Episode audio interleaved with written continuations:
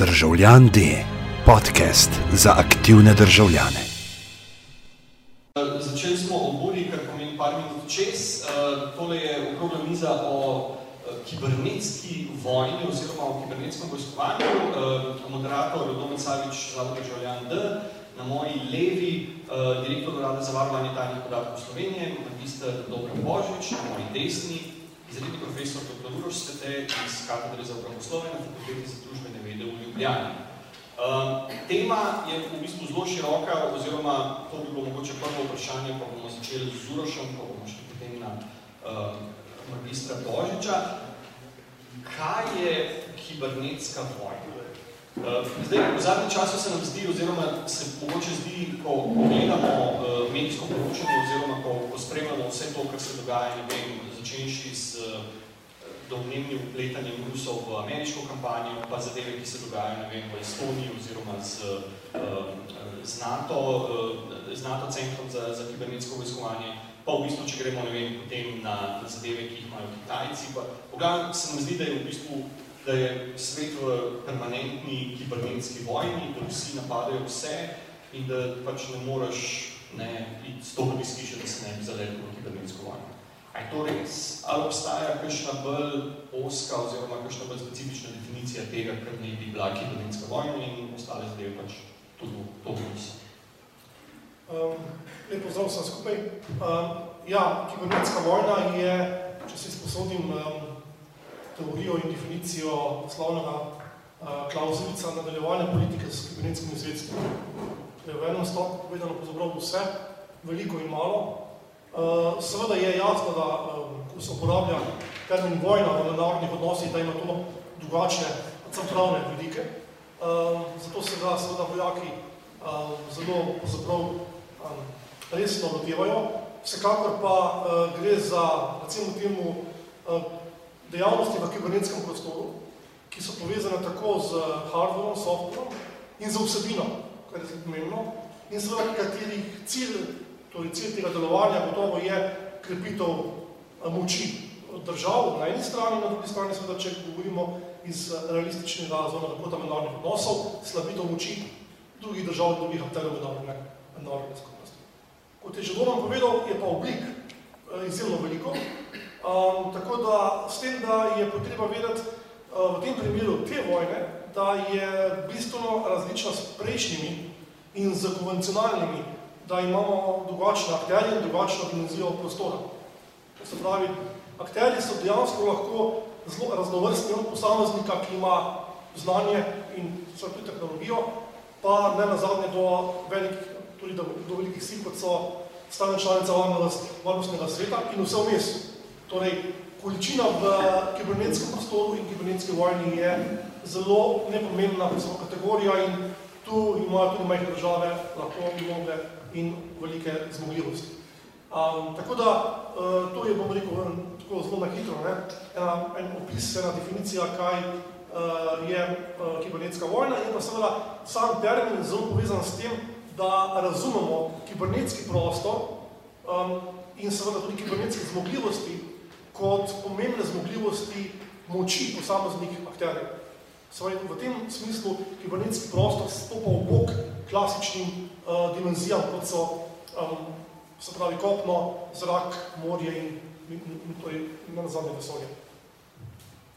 Okay. Um, hvala lepa za, za ta uvod. Uh, mogoče zdaj vprašanje za, za uh, magistra Božiča.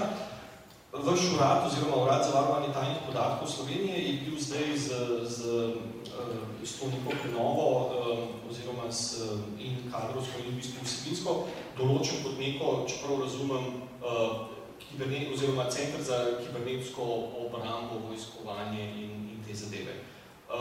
Kaj so v bistvu, oziroma tako, mogoče najprej malo naivno vprašanje, zakaj mislite, ali mislite, da se je to zgodilo ravno zdaj, oziroma v tem času in kaj je recimo, ne vem, kakšen je položaj Slovenije v relaciji do, pa mogoče recimo najprej Evropske unije, pa potem še vem, bolj globalno. Ja, prvo vprašanje je vlažno. prvo vprašanje. Um, samo mogoče, da če da dodam še, torej, vojna mogoče je res, zgleda, da je pretiran izraz, ne? Ampak, če bi opozovali vse napade, ki se danes dogajajo na tem vašem oziroma na kibernetskem prostoru in če bi to prenesli sto let nazaj in da bi nekdo pošiljal svoje viteze in uh, podiral gradove pa šel nazaj, bi takrat nekaj verjetno, da smo vojni verjetno iz tega. Vojno pa je, tukaj imamo uh, doktorja, uh, ki je, ki je profesor na vojnem pravu, on pravi, da je vojna takrat, ko politika razglasira vojno. Takrat se reče, če dobro, ne, da je to takrat vojno stanje. Ampak to pomeni samo resnost grožen, ki so vsaj v našem okolju. Jaz bi tukaj samo uh, rad dodal, da mi v uradu ne vidimo kibernetskega prostora kot takega, torej samo žice in tisto, kar leti od uporabnika do uporabnika in vsem vmes, uh, v vseh štirih dimenzijah, vidimo bolj kot ne informacijski cel prostor, torej tudi posameznika človeka na eni strani in uporabnika in tako dalje. Vidimo, če želimo braniti ta prostor in to. Eh, Slovenija vsekakor je pod napadi, torej je stalnimi napadi eh, posameznikov, podjetij in tako dalje. Eh, in verjetno se, se, se zavedanje v tem prostoru kar nekaj časa razvira, razvira kako želimo to zakonati. Res nam mogoče lahko rečemo, da zaostajamo določeni pogledi in naš urad ima danes samo, samo je vstopna točka na kibernetskem prostoru, torej smo vstopni in neka umestna faza tistega končnega, kar želimo postaviti, to je neka intendenta, ki bi pokrivala informacijsko-kibernetski prostor, recimo, ne, torej za informacijsko neko varnost oziroma kibernetsko obrambo. Vsekakor je pa naše stališče tisto, da če želiš biti uspešen na tem prostoru, moraš iti v proaktivno obrambo.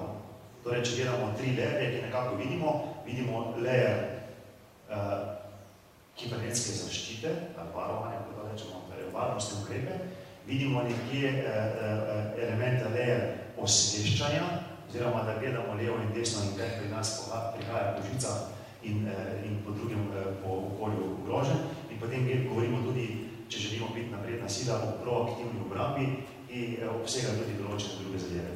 In jaz mislim, da, da moramo biti, mogoče zaostajamo, ampak zaradi evropske, evropskega prostora in zaradi NATO moramo, moramo to nadoknaditi in priti. Mislim, da je v Sloveniji problem ta, ker imamo ekstremno veliko dobrih elektronov, tistih, ki poznajo ta prostor oziroma so strokovnjaki vrhunski na tem področju, problem je samo, da jih še nismo znali povezati.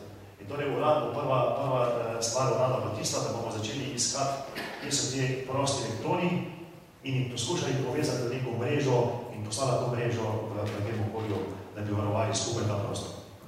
Ok, uh, pa mogoče pod vprašanje, uh, sem še pod vprašanje na to temo, uh, omenil si v bistvu to ofenzivo pa defenzivo, ne? Zdaj, koliko sem razumel tvoj odgovor, se bomo Slovenci oziroma se bo vaš urad pa ostali akteri, pa mogoče lahko še poveš, ne vem, ali to vojska, ali to policija, ali so to, kdo še tle sodeluje, da se boste, ali da se bomo ukvarjali pretežno z defenzivo oziroma z obrano, ne bomo mi hekali. Zdaj je, zdaj, uh, torej, veliko držav, veliko držav, uh, to so načeloma zdaj moja, moje besede niso stališče urada, ker bi želel to uh, razviti, ker smo na začetku tega. Če nadaljujem, Klauzevica je tisti, ki ni bral Klauzevica, Klauzevica je dal odgovore običajno na vso vprašanje. Tako kot je rekel Klauzevica, da je nadaljevanje, da je vojna nadaljevanje politike, ne, in to bi rad povedal, da običajno politiki kralji delajo vojno, ne, vojaki ali pa mi, hekneri, Henry, uh, da je, da je obramba najbolj učinkovit, obramba kot obramba najbolj učinkovit del uh, vojskovanja, z obrambo pa ne more zmagati. Torej, če želi zmagati, pa porazi nasprotnika, moraš iti v napad. S tem ne govorim, da gremo v napad, ampak jaz mislim, da moramo združevati zmogljivosti in nekje tako, kot so nekje pri nas že delajo neke uh, kibernetske tipe in ne vem kaj, da, da trenirajo in da delajo, je vredno treba tudi to razvijati ne govorim, da je treba to uporabiti, ampak je treba to zmogljivost po mojem razvijati in s tem tudi dobiva znanje na drugem področju, torej na tistem modrem področju, če govorimo o modrem rdečem področju. In je treba to razvijati in, in imeti na, na, na lagarju, takrat, če bo to treba uporabiti. Predvsem pa skozi to razvija ta duh, uh, duh uh, uh, uh, znanstveni duh, bi rekel, tudi na tem področju in Ok, um, pa mogoče zdaj spet vprašanje za, za Uroša. Uh, prej smo omenili, ne, oziroma ko sem našteval ne, Kitajska, Amerika, Evropska unija, kje so recimo, če bi hoteli zdaj označiti, ne vem, top tri konflikte v kibernetskem prostoru na globalnem nivoju? Ja, zdaj tako, kar zadeva konflikta v kibernetskem prostoru, uh, jaz bi jih ločil v dve skupini. Uh, prva skupina se nanaša na tiste konflikte, kjer je kibernetska dimenzija konflikta samo ena, bom rekel, bolj ima postranska dimenzija, kjer konflikt poteka dejansko v realnem prostoru, torej v fizičnem prostoru, v fizičnem prostoru in je kibernetska dimenzija samo, ker vrste podprta ali pa podpora. Um, takšen primer je lahko Sirija, ki bo zabrav je v, v Siriji je bilo precej um, primerov delovanja, ampak v osnovi sirski konflikt, um, konflikt v fizični domeni. Uh, potem seveda so pa jasno veliko primeri konfliktov, ki so pa lahko strogo in striktno vezani samo na kibernetski prostor. Zdaj, ena recimo takih primerov, je, ki je najbolj odmeven, je ameriško-rusko zaostrovanje odnosov. Ne glede na to, da se seveda Eh, še vedno badajo boj z dokazili in antidokazili, da tega ne bilo, ampak v osnovi um, drugih dimenzij, za enkrat na srečo, konfliktov med tema dvema državama še ni bilo. Kibernetski pa je očitno. Uh, potem seveda imaš primere, ne vem, od Estonije in mnogih drugih, skratka, um, mali z neke mlajše zgodovine, tako da teh, teh primerov je veliko. Uh, bi pa dejansko pozoril še na eno zadevo, ki je morda uh, vsaj iz našega vidika postala um, malce premalo um, opazno. Um, kibernetski odnosi so postali ne samo problem varnosti in obrambe, ampak tudi nasploh znane politike. To se pravi, države, oziroma državni, ko se srečajo, se ne pogovarjajo samo ne vem, o gospodarski izmenjavi, o sodelovanju in tako naprej. Pogovarjajo se tudi o tem, kaj se dogaja na, na kiber področju. In uh, to se je dejansko zgodilo ali pa dogajalo že zadnjih deset let. Uh, recimo, tak primer je bil zelo očiten uh, obisk kanclerke Merkelove nekaj let nazaj na Kitajsko, kjer je pravzaprav takoj prva točka dnevnega reda je bila, zakaj ste nam ukradli, ne vem, 80 terabajtov podatkov iz naših vladnih strežnikov in zakaj ste greste um, gospodarsko voljni. Skratka, to je bila točka ena. In seveda, to je tipičen primer recimo temu um, ne sicer destrukturnega cyber delovanja, jasno pa, da gre za um, cyber delovanje, ki ima za uh, posledico prednost neke države na primerjavstva. Tako da, um, kar zadeva um, recimo temu top 3, no, kot sem rekel, zdaj, če bi že moral izbrati, uh, potem bi bil, uh, in če govorimo o sedanjosti, ne, o preteklih primerih, uh, brez doma Ukrajina, um, ameriško-ruski odnosi, um, pa morda uh, bližnji vzhod. Ok. Uh, pa, če se kar navežem na to, ne, večina teh konfliktov gre po liniji v bistvu zahod-vzhod, ne, do neke mere. Sever-jug ni zaenkrat še toliko velike ali tako pomembne ločnice. Mogoče vprašanje za, za magistra Bojoča, kje je tukaj, kje je tukaj Slovenija? Oziroma, ali smo mi bolj pr, pr, pr vzhodnih ali smo mi pr, pr zahodnih? No, mi smo, uh, jasno, kje smo mi, mi smo pri zahodnih, mi smo v zahodni integraciji NATO in EU. Eh, leta, ne vem, nekaj tako, mogoče mojega letnika, nekateri ste mlajši, pa leta 91, se je večina slovencev rekla, da želi iti v razvito integracijo v Zahodno Evropo in tudi v Zvezo NATO, ki daje neko, neko uh, stabilnost. Ali se to nekateri strinja, ne, to, to pustimo na strani, ampak mi smo se profilirali, državni so se leta 91 odločili, da gremo na zahodno stran. Uh, in tukaj mislim, da ne sme biti vprašanje. Uh, kar se tiče vreda teh kibernetskih napadov, verjetno smo še nekako v senci, uh, nismo izraziti, ampak morate vedeti, da če gledamo vse vojne, so še nekako preko našega ozemlja. In zdaj eh, lažno pričakovati, da ta pa bo zgrešila, zgrešila Slovenijo, vprašanje, če bo zgrešila Slovenijo. Ne? Eh, tako da, da ne glede, ali smo danes na periferiji, smo del tega, smo del eh, razvite Evrope, vemo, ki je naša trgovinska menjava največja. In torej, če, če vemo, da je naša trgovinska menjava največja na zahodu, jaz mislim, da ni na jugu ali v vzhodu, potem pomeni, da tudi, če so te države targetirane, naša trgovinska menjava pade in naša razvoj in naša blaginja s tem trpi. Torej, se je treba pozicionirati širše in videti, kaj so naši partnerji in kako iti. Tukaj bi sigurno dodal Iran, Izrael sem slišal, da si vsako jutro pošiljata uh, pozdrave in dobro jutro pozdrave po internetnem prostoru. Tako da je tudi, tudi to. No. Je pa to še enkrat, no. Ne vemo, če bo nastala vojna 3, torej svetovna vojna 3, kakor pet človeštvo verjetno bo nastala? Eh, enkrat je rekel, 3000 let se nič ni spremenilo. Vojne, begunci, mrtvi in tako dalje. Danes je pač mogoče to malo drugače.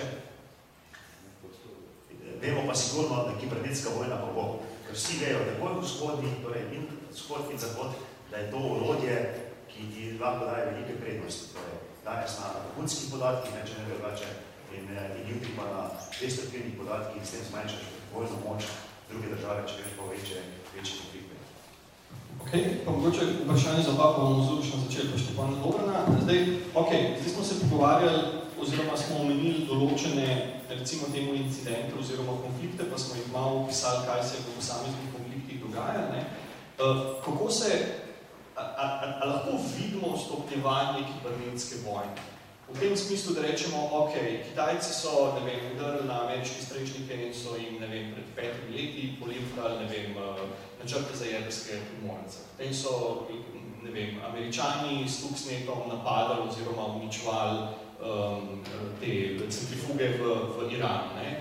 Potem so, ne vem, ok, uh, spet Rusi, Američanom med, um, med to prevolilno kampanjo začeli kandidat. Kje so potem, mislim, kaj, ne, a, a znamo tako našteti potem, kaj se potem, ne vem, uničevanje kritične infrastrukture, sesuvanje, ne vem, hidroelektrarn oziroma nekih sistemov, ki so ne, priklopljeni na internet in, in kaj potem če malo zadramatiziramo za svet na kanalu A, eh, ta kibernetski Armageddon, oziroma ne, dobesedno smo jih, ne vem kaj, ne, ničeli na kibernetsko um, Ko predavamo študentom in jim razlagam zgodovino konceptov informacijskega poiskovanja, začnemo ponovadi v 90-ih letih, zgodnjih 90-ih letih, 92, 93, recimo David Arkila, Ronfeld, Libeki in ostali ameriški avtori so tedaj definirali zadeve, kot se danes pojavljajo v praksi. Tega je 25 let. Tedaj ni bilo nobenih teh primerov. Tedaj je bila IKT še vedno, pa cyber prostor je bil prostor belih vratnikov. Dobro, imeli smo, Arnas smo dobili web. V Sloveniji je ravno Arnas populariziral internet. To so pa ta leta. Ko so ti avtori pisali o tem, da bo po zapravo vojskovanje prihodnosti se dogajalo v neki drugi dimenziji. Um, bistveno, bistveno vprašanje torej stopnjevanja tega konflikta je odvisno od tega, koliko je IKT oziroma IT strateška tehnologija. Torej, koliko je družba od, tega, od te tehnologije odvisna. Bolj kot je družba od tehnologije odvisna, bolj je strateška tehnologija. In zdaj, kot vidite, eh, strateškost nafte pada, strateškost IT-ja narašča. Strateškost IT-ja narašča iz dve zornih kotov. Prvič, ker imate socialno mreže, ki so dejansko dosegla 50% penetracijo svetovnega prebivalstva. Torej imate nekaj milijard uporabnikov socialnih omrežij. In drugič, ker imate pravzaprav IT kot embedded tehnologijo ustavljeno v prav vse. Od industrije do, ne vem, na nazadnje kavnega avtomata. To sta dve dimenziji, ki sta zelo pomembni. Zakaj? Ker um, stopnovanje pa ne pomeni samo to, ne, če pravi domen Amagedon, da bomo vzeli, ne vem, so vsi znašli brez elektrike in v popolnem mrku, kar je možno, samo z IT delovanjem, ampak dejansko, kar je še veliko bolj navarno, je vplivanje na, ljudi, na njihove percepcije. Torej, mi danes fizičnega sveta ne vidimo zaprav drugače, kot ga lahko vidimo samo za kibernetskimi očali. In to je bistveno bolj navarno, ker ni očitno. Ker če ti pade, ne vem, kot primer našega žledu, pol države brez elektrike, je popolnoma jasno, da pač nimamo elektrike, interneta in tako dalje, nimamo komunikacije. Če ti spremenijo vsebino, kar se dogodi recimo primer, uh, Eh, ne vem, hacking na volitev, ki je pa to stvar, ki ima strateško dimenzijo na, recimo, srednji rok, v tistem prvem trenutku, ki tega sploh ne opaziš. Skratka, to sta dve stvari, pozaprav, ki sta zelo pomembni. Jaz sam ne mislim, da bi zdaj um, države tvegale resni fizični amagenon, ki bi bil seveda veliko posledica kibernetskega delovanja. Ne? Ga pa testirajo, kot je očitno iz razno raznih uh, assessmentov vsako sekundo. Ne? In ne dvomim, da ima kar nekaj držav v svetu možnost in moč kibernetsko zmogljivost, da v nekaj sekundah zelo glasno internet. To veste, kako mi.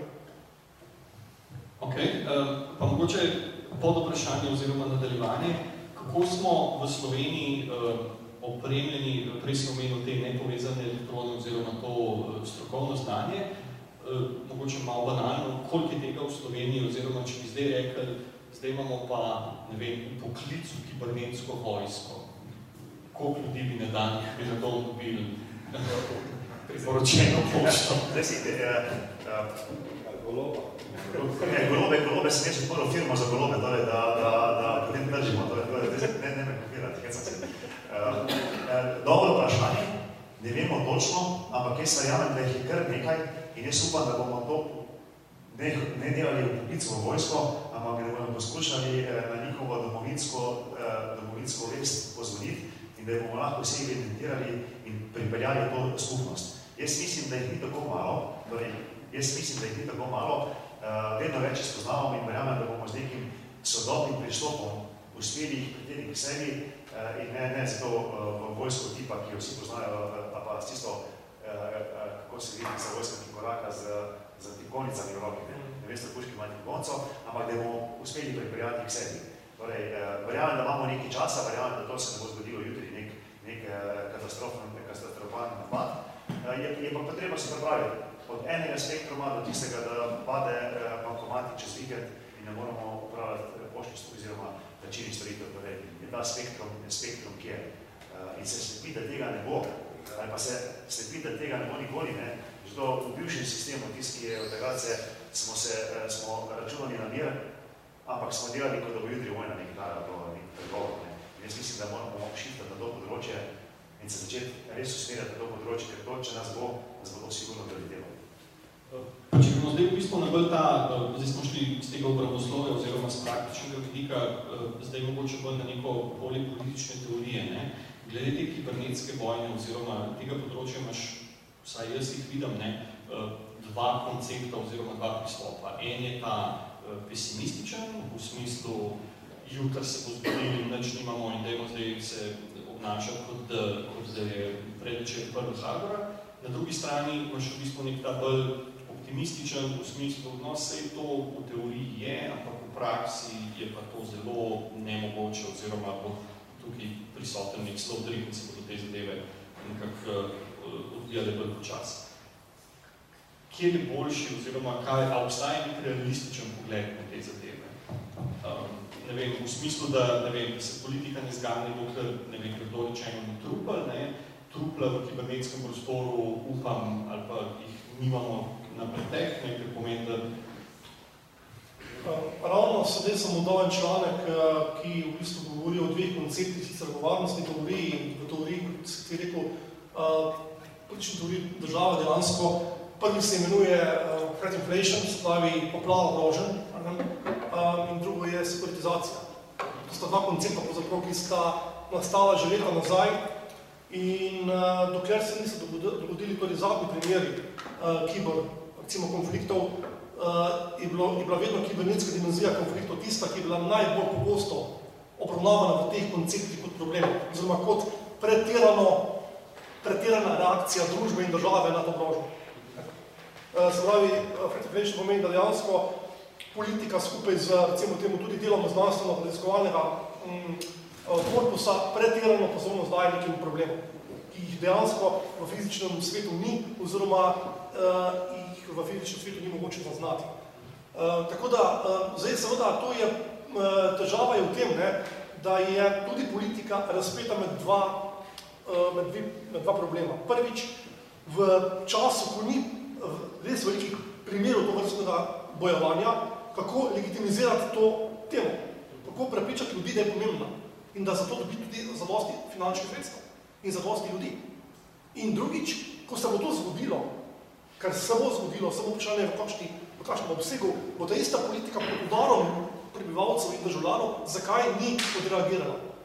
Jaz ste vam nikoli pozabil enega eh, primera in tisti, ki ste malce starejši od mene, ki ste morda bili celo aktivni v, pred uh, eh, samosvitveno vojno, se boste spomnili sprejema prvega slovenskega obravnega proračuna, ko seveda ne, v klasični delitvi na opozicijo in pozicijo, opozicija klesti vladne predloge, in tudi takrat so jih klesli, potem je pa ta ista opozicija čez tri mesece spraševala, ko se vojna zgodila, zakaj nimamo čelatov.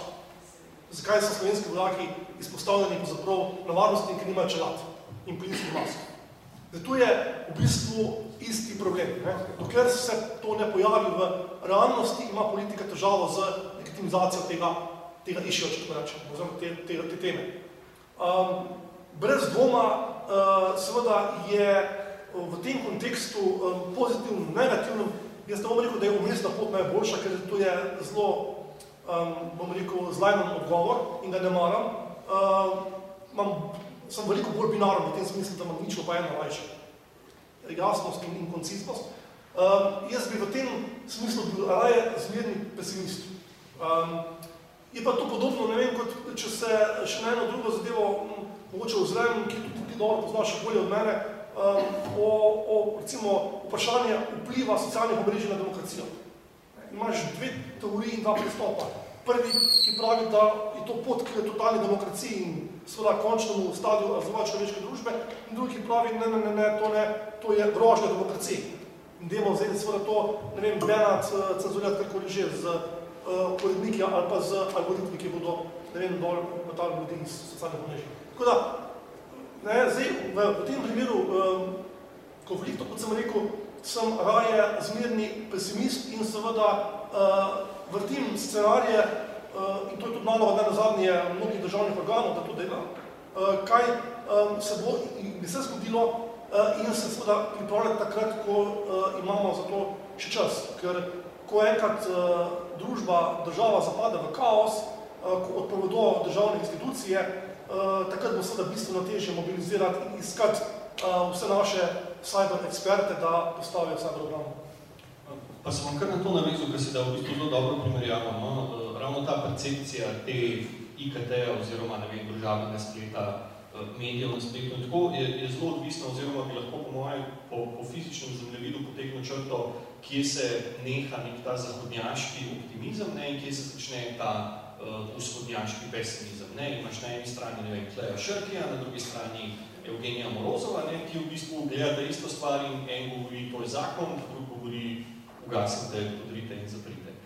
Uh, ampak to je zaradi tega, ne, če zdaj malo deviacije, zaradi tega, ker imaš pač industrijo oziroma, tako kot si prej rekel, prepletenost IKT-ja z nekim gospodarstvom, ne, je na zahodu veliko večji kot na, na vzhodu. Ne. Zahod, ne vem, Zahod, Amerika, tudi do neke mere Evropa je v bistvu zelo s to popularizacijo IKT-ja naredila nek nek powerhouse na, na področju industrije, vzhod tega ni delal oziroma je to bila naveza država, vohunski aparat in tako naprej.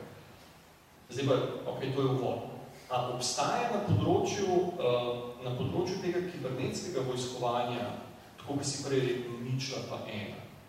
Mislim, a obstaja recimo, ne vem, Kitajska, vem, da ima, ne vem, če, če bi dal mogoče kot izhodišče, ne vem, Kitajsko, ki je to vojskovanje, pa ofenzivno vojskovanje, ne, inkorporirala v to je njihova realnost, ne imajo no enoto 500 neki, ki se pač ne, na deklarativni ravni pač imajo tam za propagando zganjati, za, za podiranje in ne. Na drugi strani imaš v bistvu NATO, ne vem, Estonija, Cyber Defense in NATO, NATO zvezene, ki se v bistvu vsaj na papirju ali pa vsaj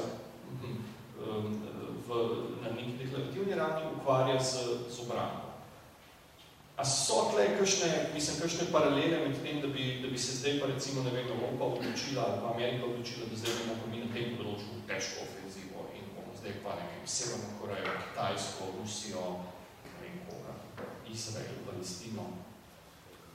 Odlično vprašanje se načel in to vprašanje, pa zato je tipično vprašanje, kak, kakšna mora biti današnja strateška misel in strateško razmišljanje.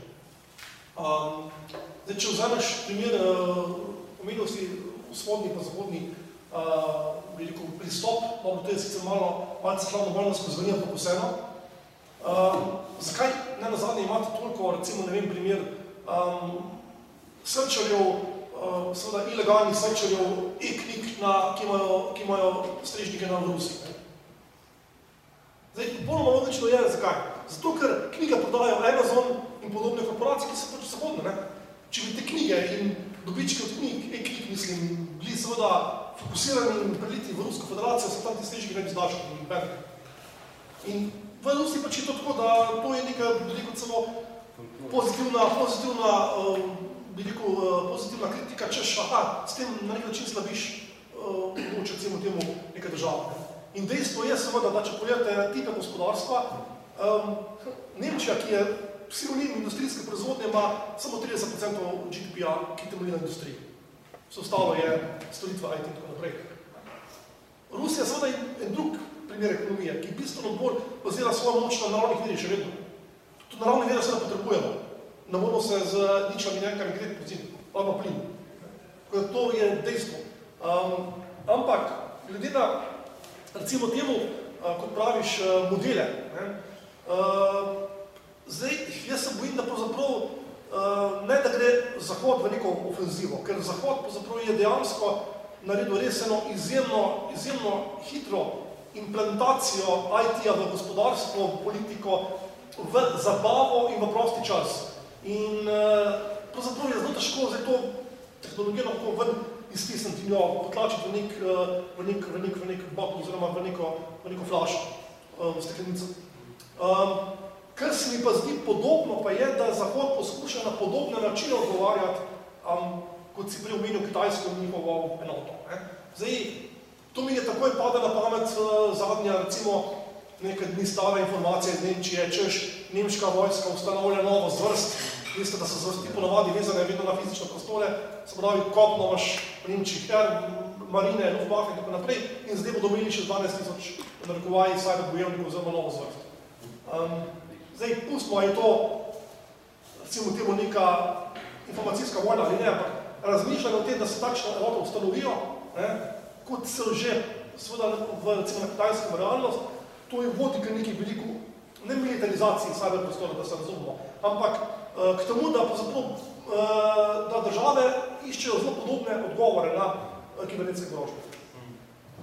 Pa, če se navežem na, na Slovenijo, pa na v bistvu, ko so, ko so delali intervju za, za um, članku monitorju, je bilo v bistvu vprašanje na tem, v bistvu nekaj talska, ne, kje je v Sloveniji oziroma v tem recimo evropskem našem prostoru večja odgovornost za, pa ne kot že rečeno za napade, ampak mogoče za vektore napada v zuni. A je to bolj stvar državnega aparata oziroma državnega IKT-ja, a je to bolj stvar zasebnega sektorja oziroma teh, ne vem, ponudnikov dostopa do interneta oziroma telekomov, ali to v bistvu bolj eh, na, na, recimo, ne vem, če temu rečeš, do neke mere končnih žrtvah, se pravi na uporabnikih. Kdo ima pri nas konkretno ne, tukaj večjo vlogo ali pa večji vpliv ali pa Ne, prej si omenil, mogoče se malo navežem na, na to, na, na te ne, kibernetske bojevnike v Sloveniji, ne, ki nekateri, ne, recimo, da potencijalni ne odhajajo v tujino, zato ker so, ne vem, v zasebnem sektorju tam boljše službe, ne na področju kibernetskega vojskovanja, ampak pač ne v, področju IKT. Sprav, kdo ima tukaj večjo vlogo ali pa kdo, kdo, kdo lahko naredi, če ne drugega večjo škodo, če se pravilno ne odzove na, na incidente ali na to, kar se dogaja in na svetu. Ja, ja, jaz mislim, samo, da se še naveže naprej. Torej, vse več držav gre v celovit spektr zagotavljanja kibernetske informacijske varnosti, torej od varnosti, obrambe in napadnih delovanj. Torej, tudi NATO držav, evropskih držav grejo v ta prostor in so verjetno po kibernetske moči, če gledamo kibernetsko moč države, če gledamo, kaj je obramba, napade zmogljivosti in odvisnost od eh, infrastrukture, kibernetskih oziroma kako rečemo, temo, IKT in infrastrukture, uh, so se nekatere pomoči krepko, na zahodu krepko najmočnejše, torej, in niso recimo Rusija ali Kitajska, so, so druge na zahodnem delu krepko močnejše, pa mogoče celo Izrael. Uh, ampak, torej, prepoznava se, da brez tega verjetno neka država ne more preživeti v, v, tem, v tem segmentu.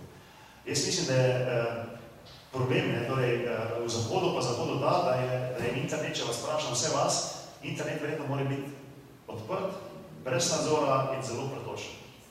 Torej, mi vsi pravimo. Ne želimo imeti internet vzhoda, ker imamo kontrolo, gledamo, kaj se prihaja noter, imamo firewall in preprečimo vse, kar mi menimo, da ne sme priti do uporabe. Torej, in ta del in zato je, je, je pa na drugi strani potem država pa le morate vedeti, da bo morala postajati bolj odgovorna in zaščiti tudi ta prostor z nekimi, z nekimi pravnimi normami in z nekimi standardi, ki bo postavljala neke minimalne standarde uh, obrambe tega prostora, pa ne samo država kot taka, ampak verjetno kot neka zveza ali pa neka hemisfera, če, če govorimo. Torej država bo to morala narediti uh, uh, in bo verjetno morala mi v Sloveniji, kako smo naredili vse jaz naloge, da pa ne vzpostavljamo ta ekosistem, ki bi bil prava povezava med državo, privatnimi podjetji, posamezniki in znanstvene raziskovalnimi inštitucijami, ki bi nekako pravilno upeljali ta cel, cel spektr razvoja tega segmenta in obrambe tega segmenta. Torej, da bi našli neko, neko, uh, neko simbiozo razvoja celega prostora. Ok. Uh, pa mogoče še eno pod vprašanje, zdaj si govoril ravno o tem, ne, o, o v bistvu ne, razliki ali pa, ali pa odpovedovanju svobode za voljo obrambe oziroma za voljo varnosti. Ne. Uh, pa recimo, da je to mogoče, da, da, da smo do tega področja oziroma do tega vprašanja že na, že na področju tega kibernetskega nadzora, o čemer bomo govorili na poved sledi čist na koncu, ampak fusmota, ugotovili, da je to v bistvu neka lažna dilema, ne? Bistvu nikoli se dejansko ne odpoveš, mislim, da se odpoveš konkretni svobodi ne? za občutek varnosti, ne? ker nikoli ne veš, a si varen, dokler veš, da, da nisi. Ne? Dokler se nič ne zgodi, ne, je v smislu, ne vem, mogoče še en odmik oziroma ena parafraza, super film je, angliški naslov je Wag the Dog, kjer, je, uh, kjer se uh, predsednik odloči, da bo neke domače, pa to je, uh, kako se temu reče, fikcijski film, čeprav ste prepoznali elemente realnosti, kjer se um, predsednik Združenih držav zaradi uh, spolnega škandala v Beli hiši odloči, da bo zrežiral vojno z neko tujo državo in zbere Albanijo, zato ker je pač nek strateg eh, položil zemljevit oziroma prsten zemljevit. Ampak v bistvu reče ravno to, ne, da um, ko, ga, ko ga obvestijo NSA pa FBI, ne, da, da ne nehajo grafirati s to vojno, da oni pa nič ne vidijo in da se skenirajo in da se nič ne vidi in drugo in tretje, ne, in oni enostavno reče, če pa nič ne vidite, zakaj vas tako imamo, ne, se vi morate nekaj videti, ne, zakaj pa malo to nadzirate, če ni česa nadzori, ne. Ta, ta dilema, ta dilema nadzora oziroma izkoriščanja pa fake news in vsega tega je, bila, je v tem prostoru tudi to realnost. Mogoče sam, pa bom šel potem nazaj. No.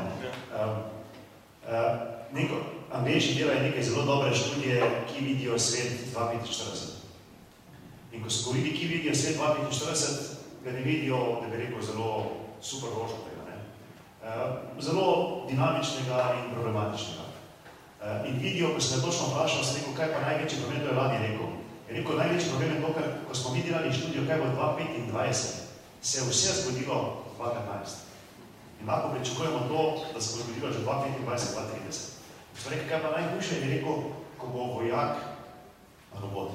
Zdaj sem vam prav, kako 2030, mislim, da ta, ki ima PayPal in pa nekdo, delata, kako bomo možgane posrkali, spravili robota, maske pa še ta ruski in bomo usrkali v, v robota in bomo tako neskončno živeli, ker eh, pač možgani bomo živeli.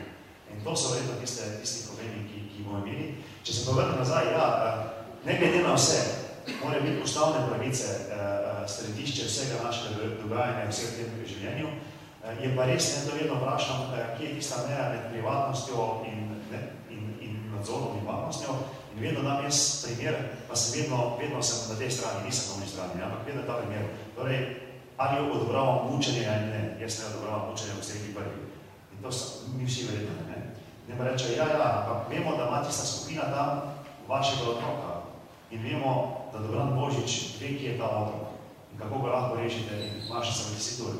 Ali bi odobril mogoče, da bi ga pa le malo potipali, pa bi zvedeli, kje je tvoj otrok in ti garantiram, da ga bomo rešili. Ne? potem pride do teh, teh res dilem moralnih, kje smo, kaj smo, in ko rečeš, halo, Siri, a bi mi ti se odprla, da mi poveš, ki bo naslednji bombni napad na osnovno šolo, kje je zdaj ta dilema, naša dilema, ali, ali smo varni, ali smo uh, uh, zasedni. Ne?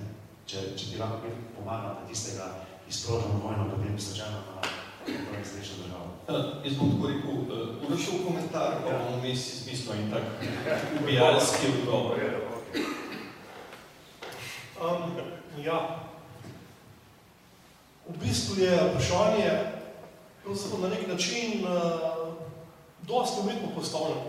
Namreč, um, jaz mislim, da govoriti o neki absolutni svobodi je z vidika preživetja skupnosti tako ali tako napačno. In mislim, da tu imamo dejansko doma zahod problem. Zlasti tiste veliko države, ki so zrasle tudi na osnovi neke protestantske etike, kot bi rekel temu Max Weber, ki pravzaprav uh, ogromno moč in odgovornost nalaga posameznika. Uh, in seveda se naslane na eno, en izrek, uh, pomaga se sami Bog je oblago.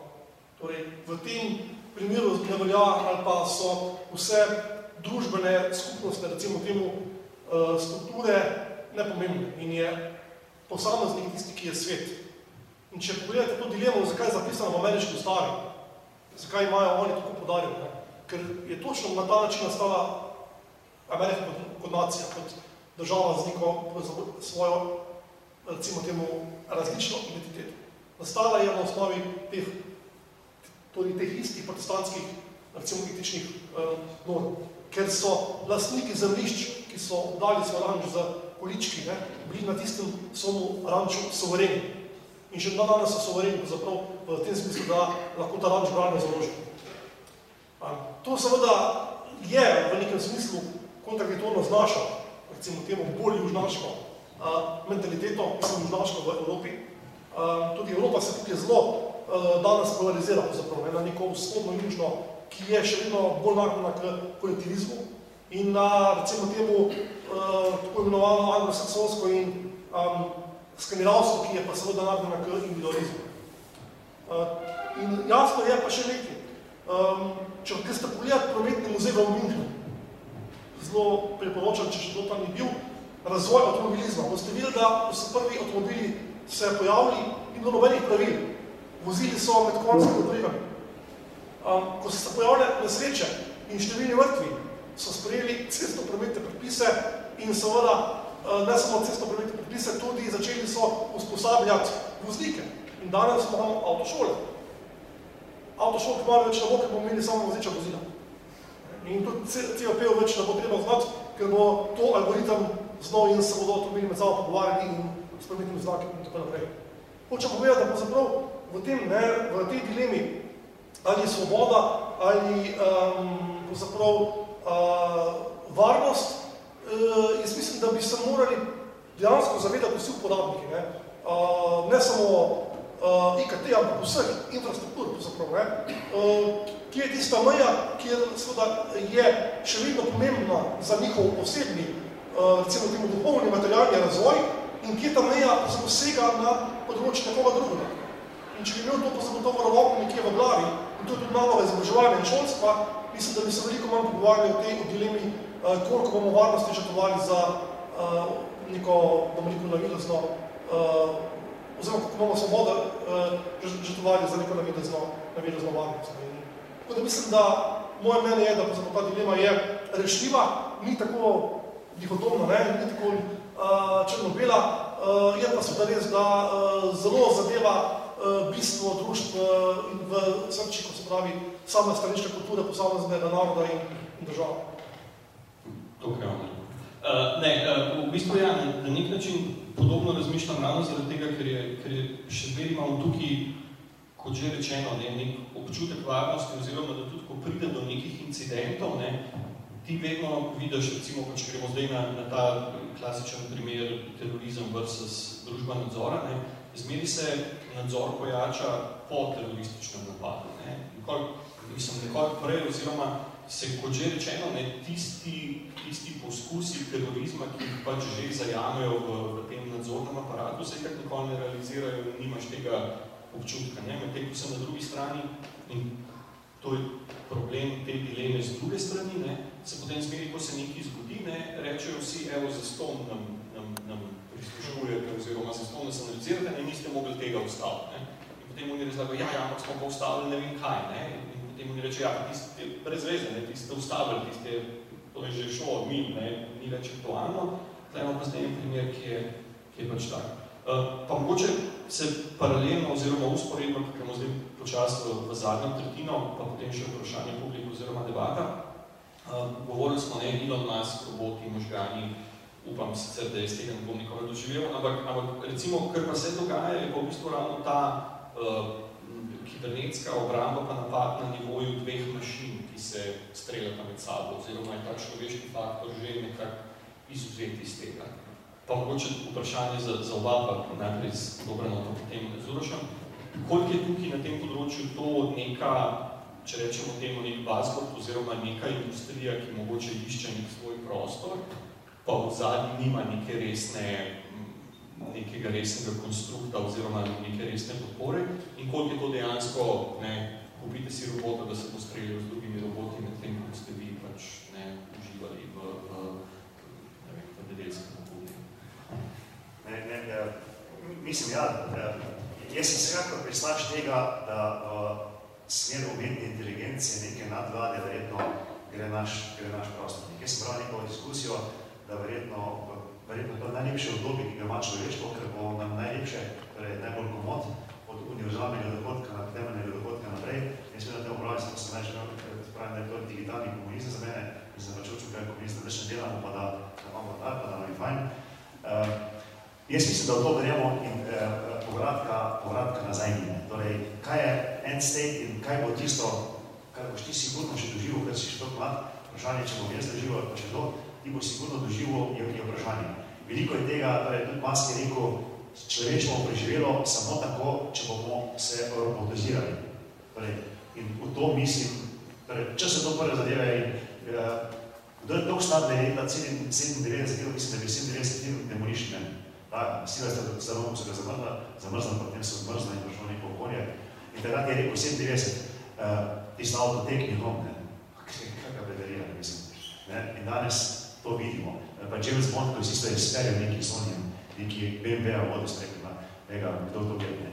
Jaz mislim, da to gremo in vem, da se neki, da je 7, 9, 9 od 10 znanstvenikov Nobelovih nagrajencev je rekel, to je realnost, to pomeni sicer konec človeštva kot takega, in eni pravi, ne, torej, uh, mi bomo to živalskost zavrli in bomo pač dobili robote in bomo v nekem posvečenem duhu pa živeli naprej, neskončno tako dalje. Uh, ampak jaz mislim, da ločiti pa ne moramo robota, ki se potem po za nas in nas, ki bomo živeli, mislim, da je to sistem, ki je povezan in ne more biti drugačen. Ker na koncu dneva, po mojem pa tista živalskost na naših možganih, pa še vedno prevlada, ne, tako bi se neko tisoč let se ni spremenilo, samo metode so se spremenile. In kam gremo, ne vem, težko, težko reči. Um, po mojem, in če nekaj sem zabeležil, da je eno leto letos v razvoju zemlje kot včasih deset tisoč let. Torej, pomeni, tako se razvijamo in tako gremo naprej. In ta umetna inteligencija, če danes gleda, da je tako znajo predvidevati zadeve, računalniki, če samo naš Štefan, ki je, mislim, da je en boljši tudi, recimo, na tem področju, kako zna predvidevati, kako zna povezati v času in prostoru dve zadevi iz Južne Amerike in Avstralije, zakaj se nekaj zgodilo in kaj naprej, jaz mislim, da tja gremo in je, in je težko to zaustaviti. In ko sem prav, ne, da je leta 2030 predvidevajo, da bojo računalniki hitreje mislili kot naši, naši možgani, je potem vprašanje, kje je to in verjetno to področje, s katerim smo začeli verjetno, zato tudi je vedno bolj pomembno postaviti, torej, da bomo imeli kam užili. Ali je to dobro, ali slabo, ne vem, ampak mislim, da nazaj ne moremo. Ok, to so bile take lepe zaključne besede, zdaj pa po mojem še uraš nekaj v tem stilu, pa vsega vprašanja za, za publiko.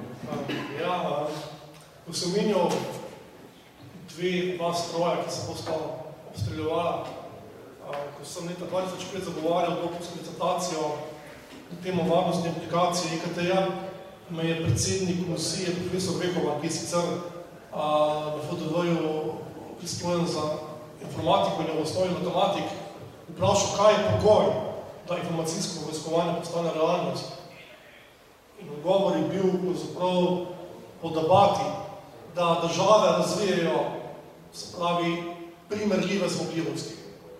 In ko bodo države razvile primerljivo umetno inteligenco, ki bo nadomestila človeški faktor, bo pravzaprav kibernetska, če boče infodimenzija postala ne neka ne, by side, neka obstanska uh, stvar, ampak glavna in edina sfera vojskovanja. Zdaj, um, to pomeni, da bomo tekmovali ne več v, z, z vojskami in za živo silo, če tako rečemo, ampak da bomo tekmovali kot na neke vrste olimpijadi um, razvijalcev, programerjev, hardverašov, kdo bo zapravo boljši, boljši koncepti in implementacija napravo. Um, zdaj, tu je ogromno futuro, futurologov in idej, kaj se bo zgodilo, in kaj se ne bo zgodilo. Uh, Stephen Hawking je celo predlagal, da je nujna globalna vlada, to se pravi, da pravzaprav uh, bi morali se OZN kot edina globalna varnostna uh, struktura razviti v smeri globalne vlade, ki bi zavarovala človeštvo pred umetno inteligenco. Um, zdaj spomnite se, kaj se je zgodilo, ko je Deep Blue premagal Garja Kasparova. Ne? In je bila uh, cela štala po domače rečeno, kako nas bo pravzaprav računalnim pohodom in povozil in uničil. Um, in uh, tudi to, ne, zdaj, kar je govoril Dobrano, uh, točke singularnosti, kot temu pravi Ray Kurzweil in o tem, da bo stroj premagal človeško kognicijo in da bomo preslikali neuronsko mrežo, vse to seveda je možno, um, znanstveno možno, tehnično možno. Vprašanje seveda je, kdaj bo stroj tudi čuteč. Zdaj, če pogledate sodobne konflikte, boste videli, da pravzaprav se dosti govori o asimetriji, spravi o odgovoru, ki ni enake sorte, o odgovoru na tehnologijo z netehnologijo, o odgovoru na internet za komunikacijo preko grobo pismonoše ali pa, ali pa kurine ognja, kot da je naše predniki v času točkih upadov. Skratka, um, imamo dve možni smeri razvoja, seveda bolj ali manj uh, eksponencialno oziroma linearna v smeri še večje ga pomena IKT-ja in pa seveda lahko gremo tudi v drugo smer, ki bi pomenila recimo en ogromen uh, mednarodni konflikt, Bog ne daj, da bi bil jedrski, ker bi pozadnji navržno, um, ki bi seveda za nek časa zaustavil ali pa vsaj um, povzročil nek odklon v razvoju.